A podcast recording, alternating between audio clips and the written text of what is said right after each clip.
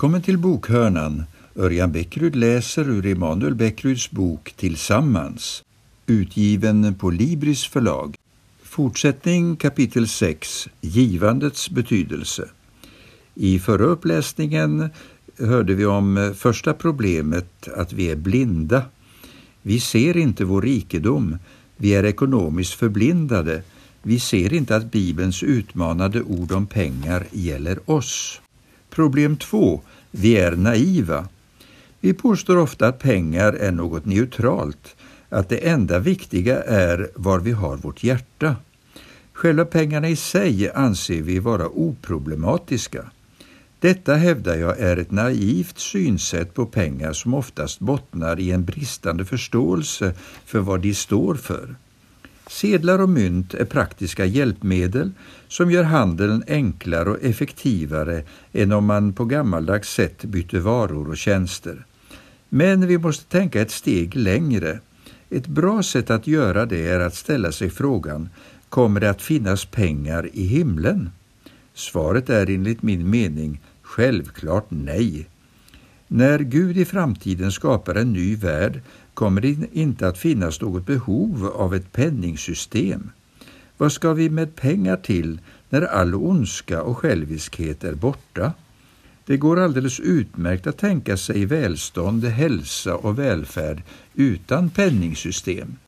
Pengar finns därför att människan är fallen i synd. Om synden inte hade gjort sitt inträde i världen skulle vi inte behöva några pengar.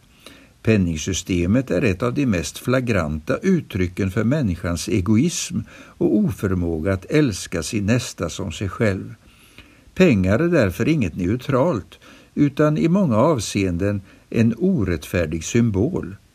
När vi kristna förvaltar pengar deltar vi i ett system som i grunden är genomsyrat av synden. Så länge denna värld består måste vi handskas med pengar, men vi måste veta vad vi gör. Om vi naivt tror att pengar i sig är något ofarligt neutralt kommer vi lättare att bli offer för deras makt och frestelsen att ständigt få mera. Problem 3. Vi är slavar. När vi är både blinda och naiva blir vi lätta byten för mammon, penningens avgud. Mammon invaggar oss i en falsk trygghet. De flesta kristna menar att Gud är deras yttersta trygghet men påståendet har sällan prövats i praktiken. Vet vi att det verkligen är så, eller säger vi det för att det borde vara så? Om någon som inte motionerat på flera decennier påstår att han kan springa ett maratonlopp imorgon, då är vi med rätta skeptiska. Samma sak gäller vårt förhållande till pengar. Mammon håller oss andligt inaktiva och våra trosmuskler förtvinar. Vi tror att vi har god andlig kondition när vi i själva verket har ersatt tryggheten i Gud med mammon. Mammon håller oss fångna i vår individualism. Nutidsmänniskan ställer sig själv och sina behov i centrum och penningsystemet förstärker denna självcentrering. Det blir en ond cirkel. Ju mer jag har, desto mera vill jag ha.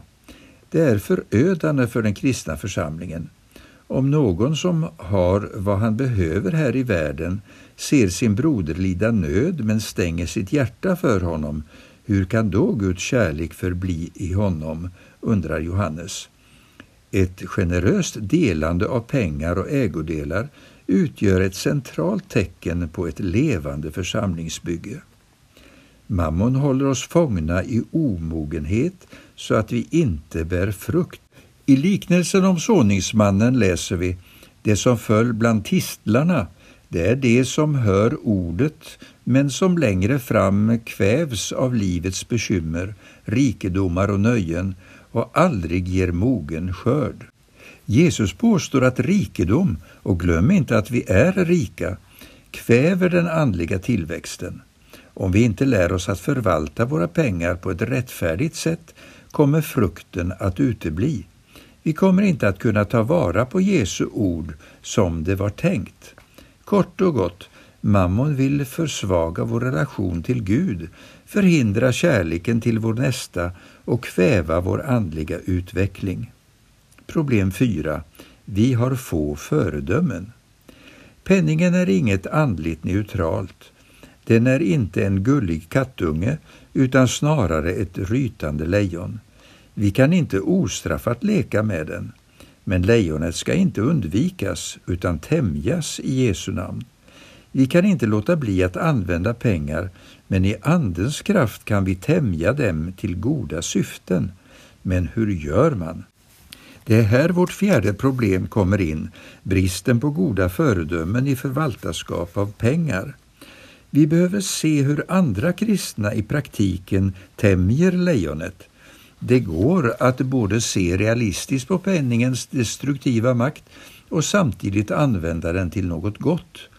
Pengar är som nitroglycerin.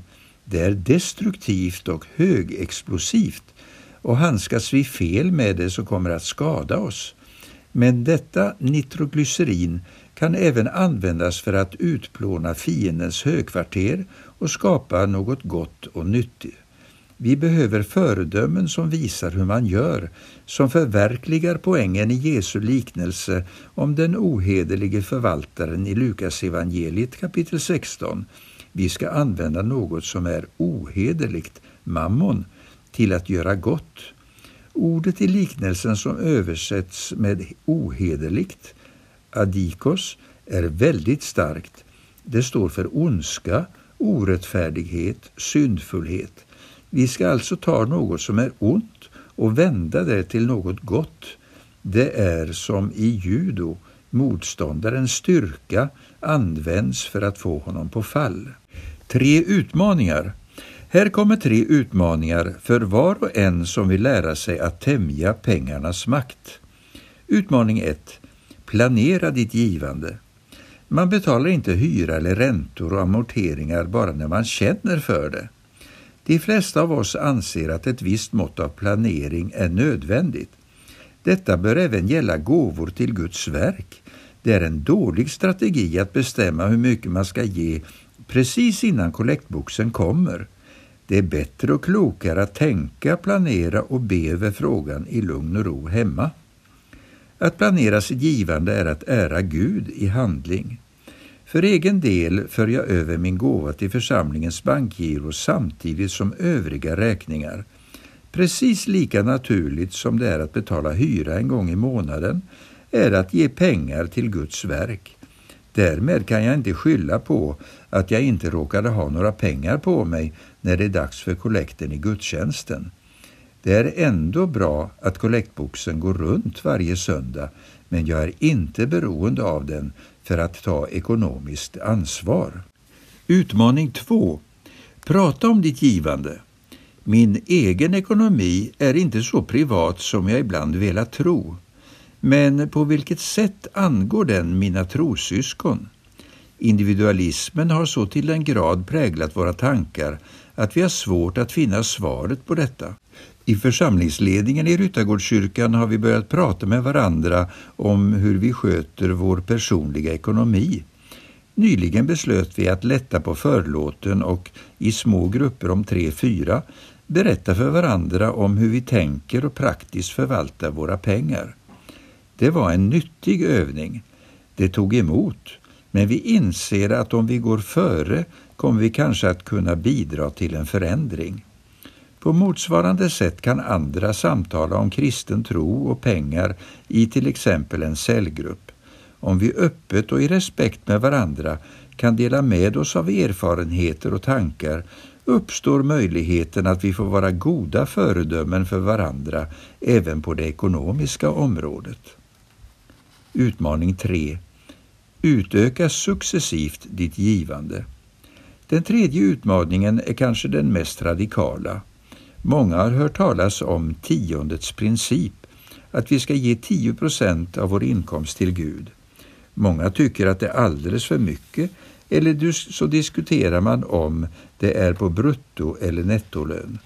Andra ser tiondet som en utopi som man kanske kan nå upp till någon gång när man fått det bättre ställt i hushållet.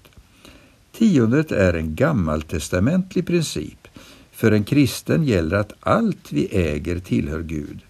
Frågan är alltså inte hur mycket vi ska ge utan hur mycket vi ska behålla.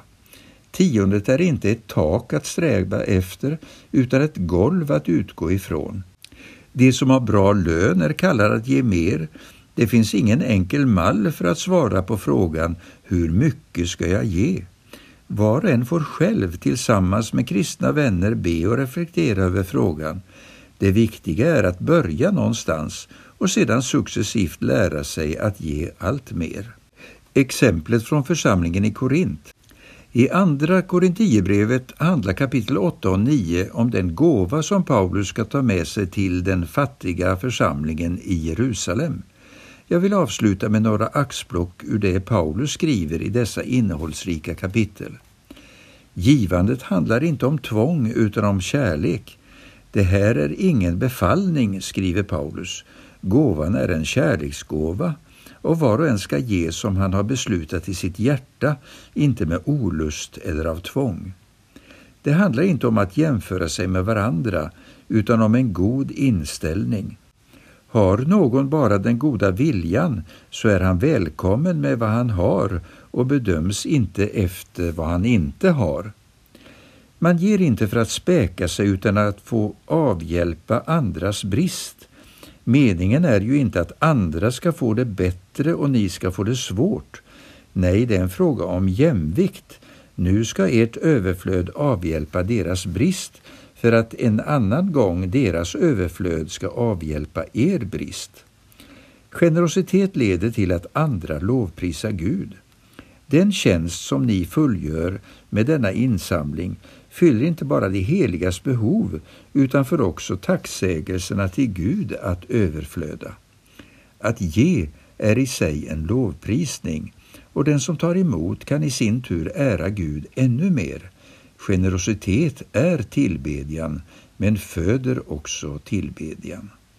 Sammanfattning Kollekten lär oss att allt tillhör Gud, att vi hör ihop och har ett gemensamt uppdrag. Men denna insikt är inte bara abstrakt utan praktisk. När vi ger våra gåvor manifesterar vi dessa tre sanningar, Guds herravälde, vår samhörighet med varandra och vårt gemensamma uppdrag. I kollekten i gudstjänsten uttrycks dessa sanningar. Om församlingen är medveten om de problem vi har med pengar, blindhet, naivitet, slaveri och brist på föredömen och antar utmaningarna att rätt förvalta pengar, planering, samtal och successiv utökning av givandet, kan den bli en nutida motsvarighet till den bild som Paulus skissar i Andra Korinthierbrevet kapitel 8 och 9. En kärleksfull gemenskap där generositeten flödar allt efter vars och ens förmåga och med målet att avhjälpa andra människors brist och på så sätt ära Gud. Frågor för samtal och reflektion. Skulle du vilja samtala med andra om pengar och ekonomi? Varför eller varför inte? Vad berörde dig mest i författarens problembeskrivning och utmaningar kring pengar? Läs Andra Korinthierbrevets kapitel 8 och 9. Vilka lärdomar och slutsatser drar du? Uppläsarens kommentar. Denna bok gavs ut i sin första upplaga på Libris förlag år 2007. Sedan dess har vi så gott som blivit ett kontantlöst samhälle. Många församlingar har därför slutat använda kollektboxar och anger swishnummer istället och nämner kanske om en kortterminal vid ingången. Då är säkert behovet ännu större av planerat givande, kanske i form av regelbunden banköverföring. Detta är i överensstämmelse med uppläsningen av detta kapitel. Gud älskar en glad givare.